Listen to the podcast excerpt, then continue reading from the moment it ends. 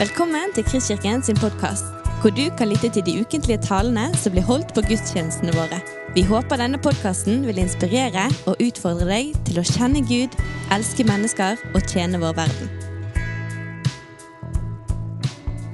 God søndag.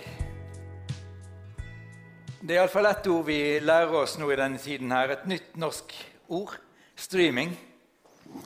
Eh, og da jeg eh, ba for denne gudstjenesten i dag tidlig og visste at her ville ikke være noen folk til stede eh, Jeg taler for en tom sal omtrent. Så tenkte jeg på og ba for kristne søsken rundt om i verden som ikke har noen mulighet til å samles til gudstjeneste. Ikke bare én søndag, ikke bare en periode med en pandemi, men som har det sånn gjennom hele livet, i generasjoner. Jeg tenkte på våre søsken i Nord-Korea. Kanskje det er to eller tre som vet om hverandre som kristne. Kanskje det er et ektepar, et besteforeldrepar i en familie som samler seg og tar fram en bok som de har gjemt under noen planker, leser et bibelord og ber sammen. Kanskje det er to eller tre som møtes i en park, deler et bibelvers med hverandre uten å ha en bibel, synger en salme, en sang som de husker et vers, med hviskestemme. Eller kanskje det er noen i Afghanistan. Det er livsfarlig å bekjenne troen på Jesus, men det er kanskje to-tre som vet om hverandre, har funnet fram til tro på Jesus, og så møtes. Kanskje i Somalia, i en bitte liten husmenighet, der de forflytter seg fra sted til sted for hver gang. Skifter tidspunkt, kommer sammen, og så deler de bare vitnesbyrdet om Jesus. Synger veldig stille, har tildekket vinduene så ingen skal se at de er samlet. Kommer på forskjellig tidspunkt, går på forskjellig tidspunkt. Eller i Saudi-Arabia, der det forbundet med dødsstraff å gå bort fra islam og bekjenne troen på Jesus som Herre og Frelser. Og Jeg har tenkt tilbake igjen på kulturrevolusjonens Kina. Med den enorme faren det var. Eller å samles i Nigeria eller et annet land, kanskje i Afrika sør for Sahara, der de er der de har opplevd så mange ganger i kirken at midt under gudstjenestene så kommer det noen og kaster inn brannbomber eller går til angrep på de kristne, skyter dem når de strømmer ut av kirken. Det er livsfarlig å samles. Og for et privilegium vi har, og hvor mye vi har å takke for, som kan møtes om det bare er på denne måten. Du kan sitte hjemme i din stue. Vi har lov å strime.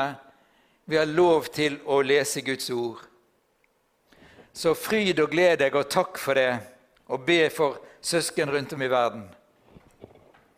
Og nå skal vi lese dette brevet som Johannes fikk i oppdrag fra Jesus om å skrive til menigheten i Filadelfia. Jeg håper det at dere sitter med Bibelen på bordet eller i fanget og kan følge med i teksten, ikke bare når vi leser den igjennom nå, men når jeg skal tale over den. For nå har jeg ikke noe annet manuskript foran meg her enn denne ene teksten fra Johannes' åpenbaring kapittel 3, fra vers 7 til 13. Og der står det slik.: Skriv til engelen for menigheten i Filadelfia. Dette sier den hellige og sannferdige, han som har Davids nøkkel, han som åpner så ingen kan stenge, og stenger så ingen kan åpne. Jeg vet om dine gjerninger. Se, jeg har satt foran deg en åpnet dør som ingen kan stenge. For du har liten kraft, og du har holdt fast ved mitt ord og ikke fornektet mitt navn. Se, jeg skal la noen komme fra Satans synagoge, slike som lyver og sier det er jøder, men ikke er det. De skal komme og kaste seg ned for føttene dine, og de skal forstå at jeg har elsket deg.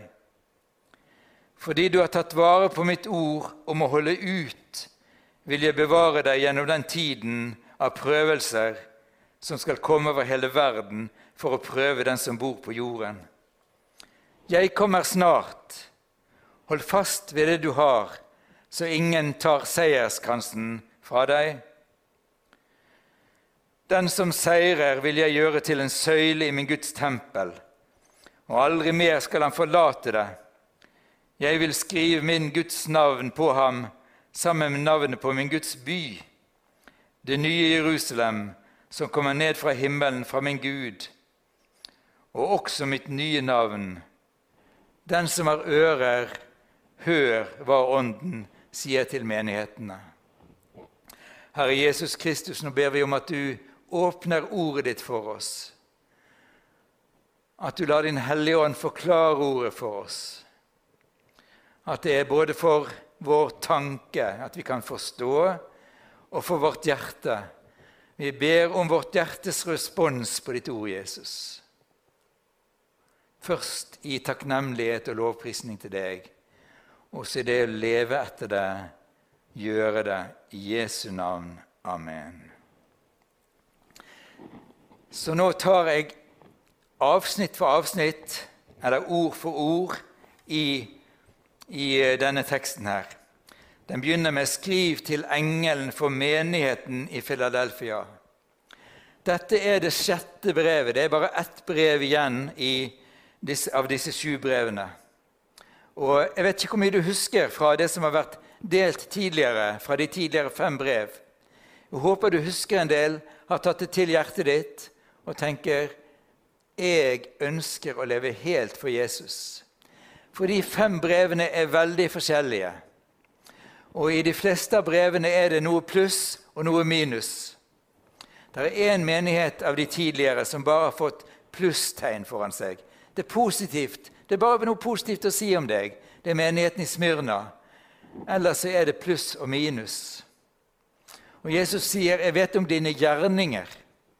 Og hva for gjerninger er det? Det forklares i det, i det som kommer, i hvert brev. Hva for gjerninger er det? I brevet til menigheten i Efesos står det disse alvorlige ordene. Du har forlatt din første kjærlighet. Den gjerningen du må vende tilbake til, før, først og fremst over alle ting, det er å elske Jesus av hele ditt hjerte, av hele din sjel, av all din kraft. Og det å elske Jesus betyr bl.a. å elske Hans ord, det å komme til Han i bønn, det å leve rent, det å dele evangeliet med andre. Det å elske Guds ord, det kommer vi tilbake til gjennom alle disse brevene. Det å lytte til Guds ord, ta Guds ord på alvor. Og det har jeg lyst til å si også inn i vår tid. Er det noe som prøver oss kristne i denne tiden her, så det å elske Guds ord, ta Guds ord helt på alvor. For djevelen han har en strategi. Han hadde den med Eva og Adam. Det var å si 'Har Gud virkelig sagt?' Og Det var den samme strategien han brukte overfor Jesus, ved å prøve å friste han bort fra det som var Guds ord. Men Jesus svarte en gang. Jesus svarte hver gang, men det står skrevet. Skriv til menigheten i Filadelfia. Hvem var denne menigheten her? Det er mange ting i den teksten her som tyder på at det var i hovedsak jøder som hadde kommet til tro på Jesus. Og Jeg skal komme tilbake til det igjen når vi går igjennom teksten, hvorfor det sannsynligvis var det. Vi har jo ingen andre skrifter i Det nye testamentet, heller ikke noe fra Oldkirken, som sier så mye mer om menigheten i Philadelphia. Men den var altså i Philadelphia, eller på, på gresk Philadelphia. Og det ordet betyr broderkjærlighet. Kjærlighet til søsken. En by som har altså et navn som, som betyr dette å elske hverandre. Holde sammen. Være ett i Jesus Kristus. Filadelfia. Den lå i et område som hadde vært veldig rikt pga. vindyrking. Det var like blomstrende når det gjaldt vindyrking, som området rundt Rom. Men så kom det en keiser som at, bestemte det, at eh, det er Rom som skal ha de beste vintrærne, den beste vinproduksjonen. Sånn at vindyrkingen i Philadelphia tok slutt. Dermed ble området fattigere. og vi vet det fra historien, og vi vet det fra i dag, nå midt under koronapandemien, så vet vi at de kristne blir satt på bakerste benk, om vi kan si det. De kommer bakerst i køen når det gjelder å få tildelt noe som, helst form for hjelp. De som tror på Jesus og er en minoritet i et samfunn, de kommer ofte aller bakerst. De blir mest diskriminert, de får minst hjelp. I dag gjelder det Nepal, India, Pakistan Hvor du enn beveger deg, og de kristne er en minoritet. Aller bakerst. Aller sist å få hjelp. De får mindre enn andre. Det er situasjonen for menigheten der. De kjenner seg svake, de kjenner seg kraftløse, de kjenner seg små. De er bare en minoritet i et samfunn. Et lokalsamfunn og enda mindre minoritet i det store samfunnet. Men så kommer det en og taler til dem. Han skriver brev til dem. Og han, den som taler til dem, det er jo han som sitter på tronen, den allmektige. Og nå skal du høre litt av det han sier.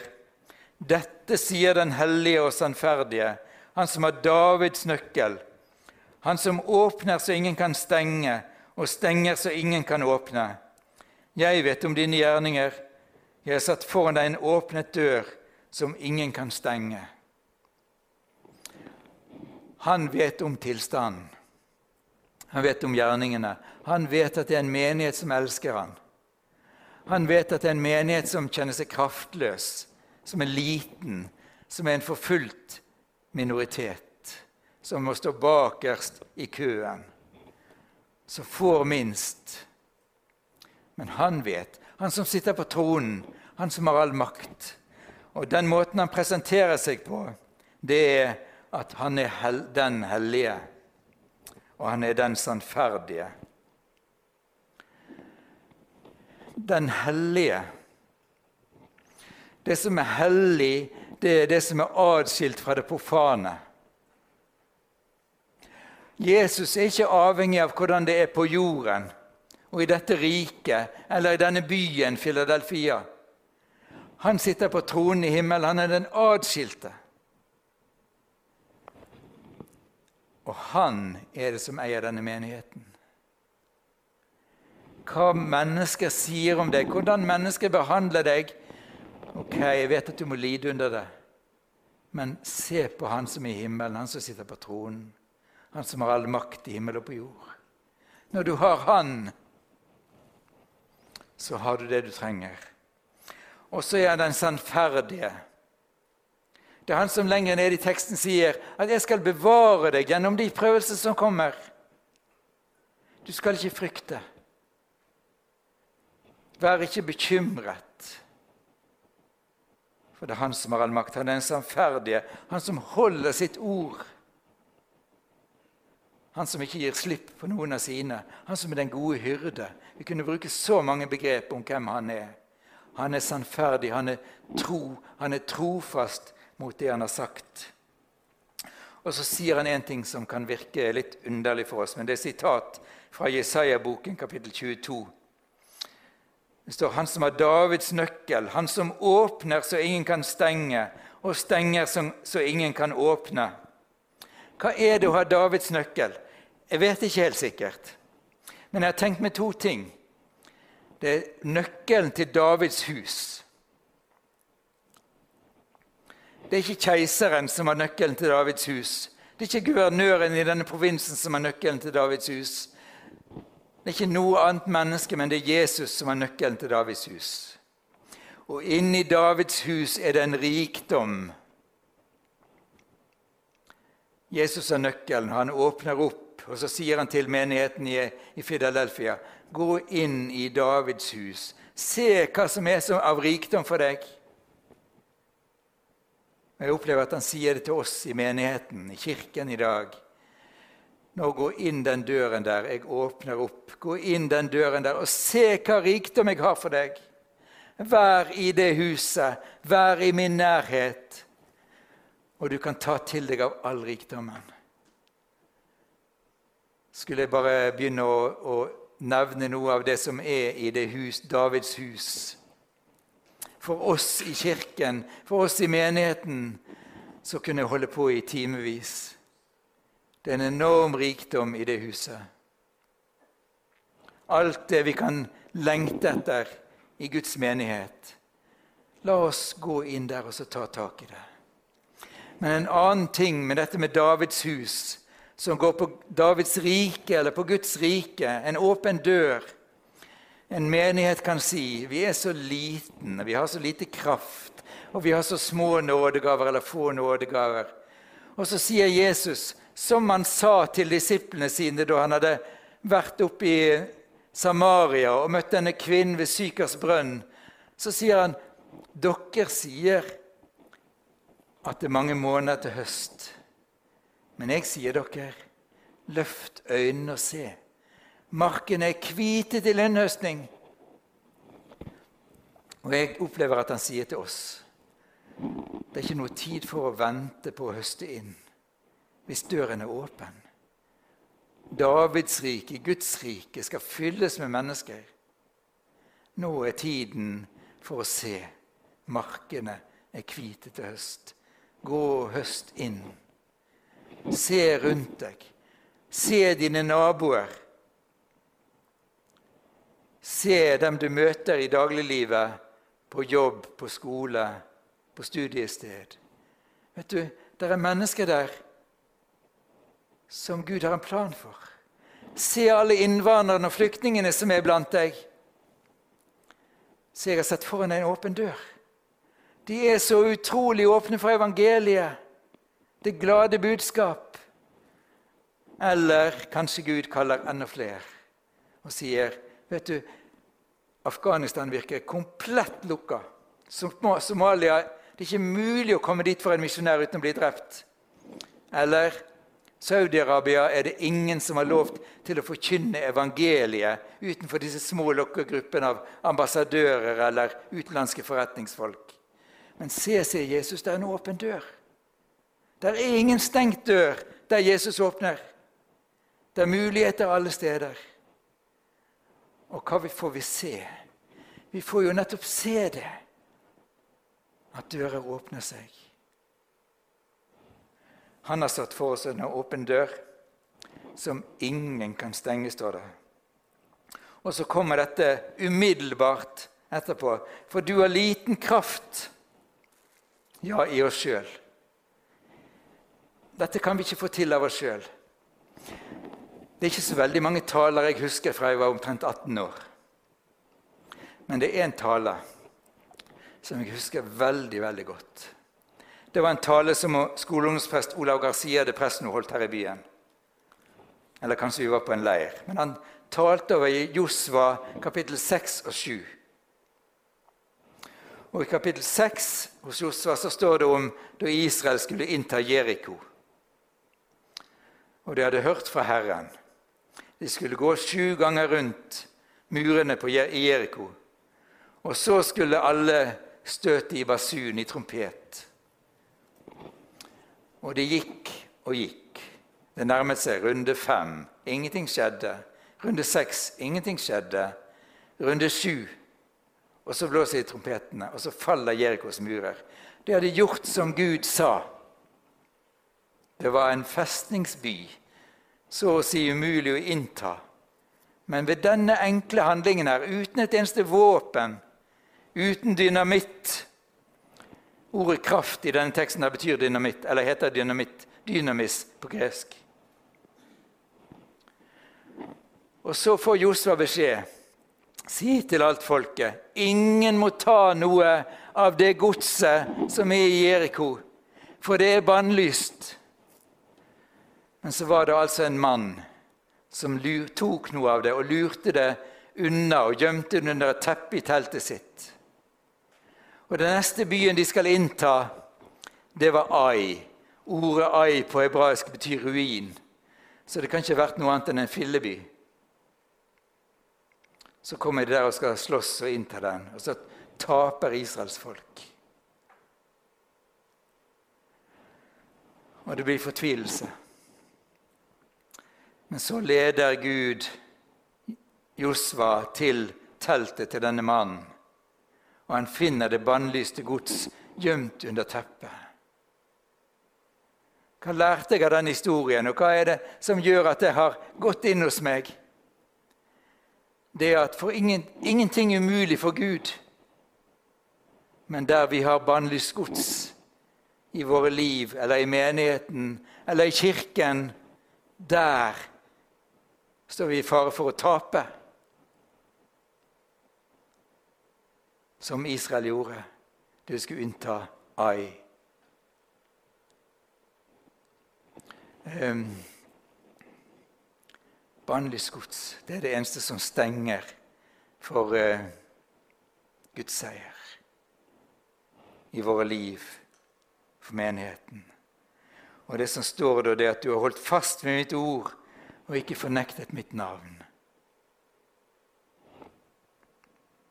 Så utrolig viktig.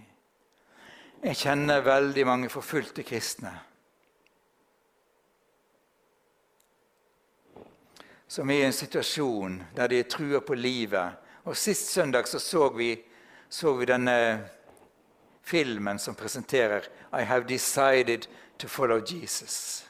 Mitt valg er gjort, jeg vil følge Jesus. Og Det den indiske pastoren ble trua til, det var å fornekte Jesu navn, gå tilbake til Vishnu eller kristne eller hvem det skulle være, til hinduismen. Han sier 'jeg kan ikke'. Jeg kan ikke fornekte Jesu navn. Og så blir han og familien drept. Men det som skjer etterpå, det er at det bryter løs en vekkelse. Det er en som var så knytta til Jesu navnet at han ikke kunne fornekte det innenfor døden. Gud åpnet en dør gjennom det vitnesbyrdet, så det ble seier. Og så sier Gud Vi liker det ikke, men han sier Se, jeg skal la noen som kommer fra Satans synagoge, slike som lyver og sier det er jøder, men ikke er det. De skal komme og kaste seg ned for føttene dine, og de skal forstå at jeg har elsket deg. Satans synagoge. Det høres helt forferdelig ut. Synagoge er jo ikke noe annet enn ordet forsamling. Men det er ting som tyder på at eh, det var veldig mange jøder i denne byen. Og de som er kommet til tro på Jesus, de er kommet ut fra synagogen. Så det er blitt et skarpt skille. De i synagogen vil ikke lenger ha noe med dem å gjøre. De blir forkastet.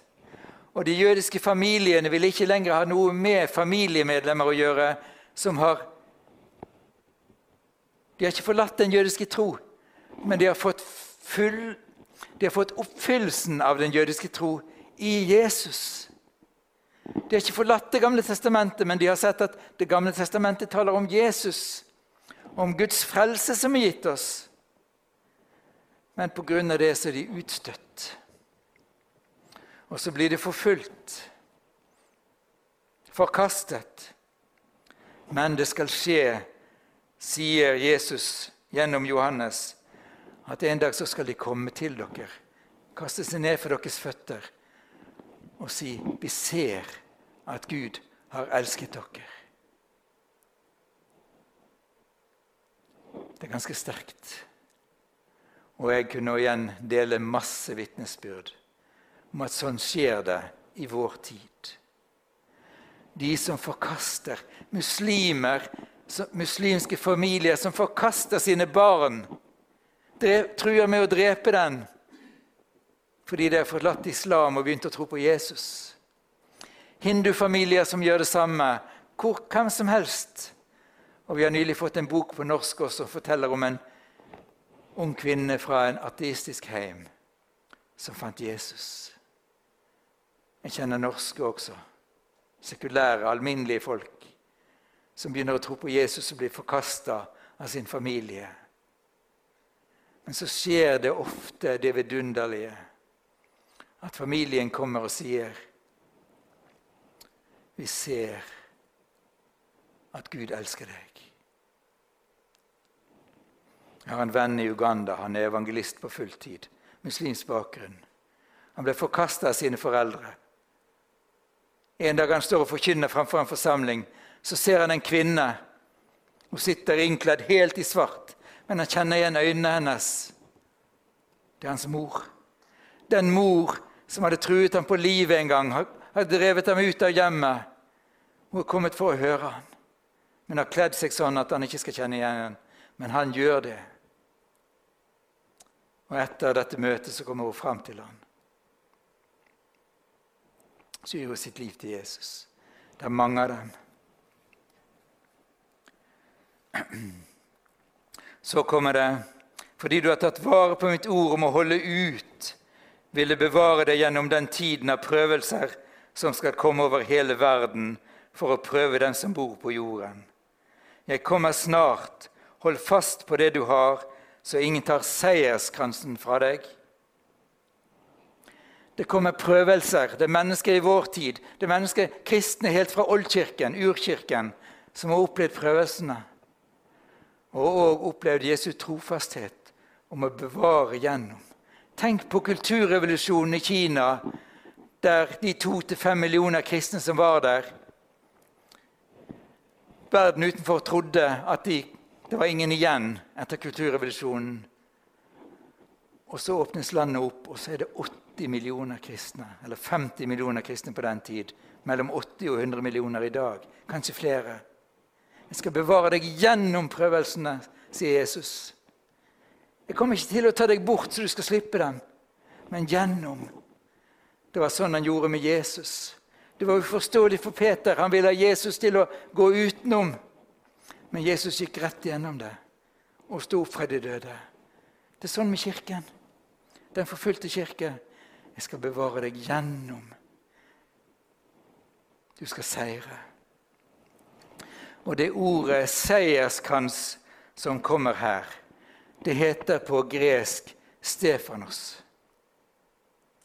På latin, og som vi har det på norsk også, Stefanus.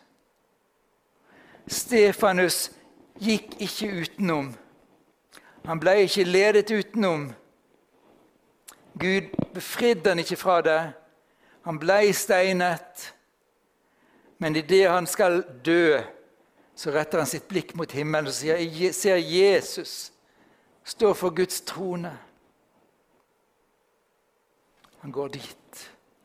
Og etter steiningen av Stefanus så brøt ut en vekkelse i Jerusalem. Jeg er ikke redd for forfølgelsen.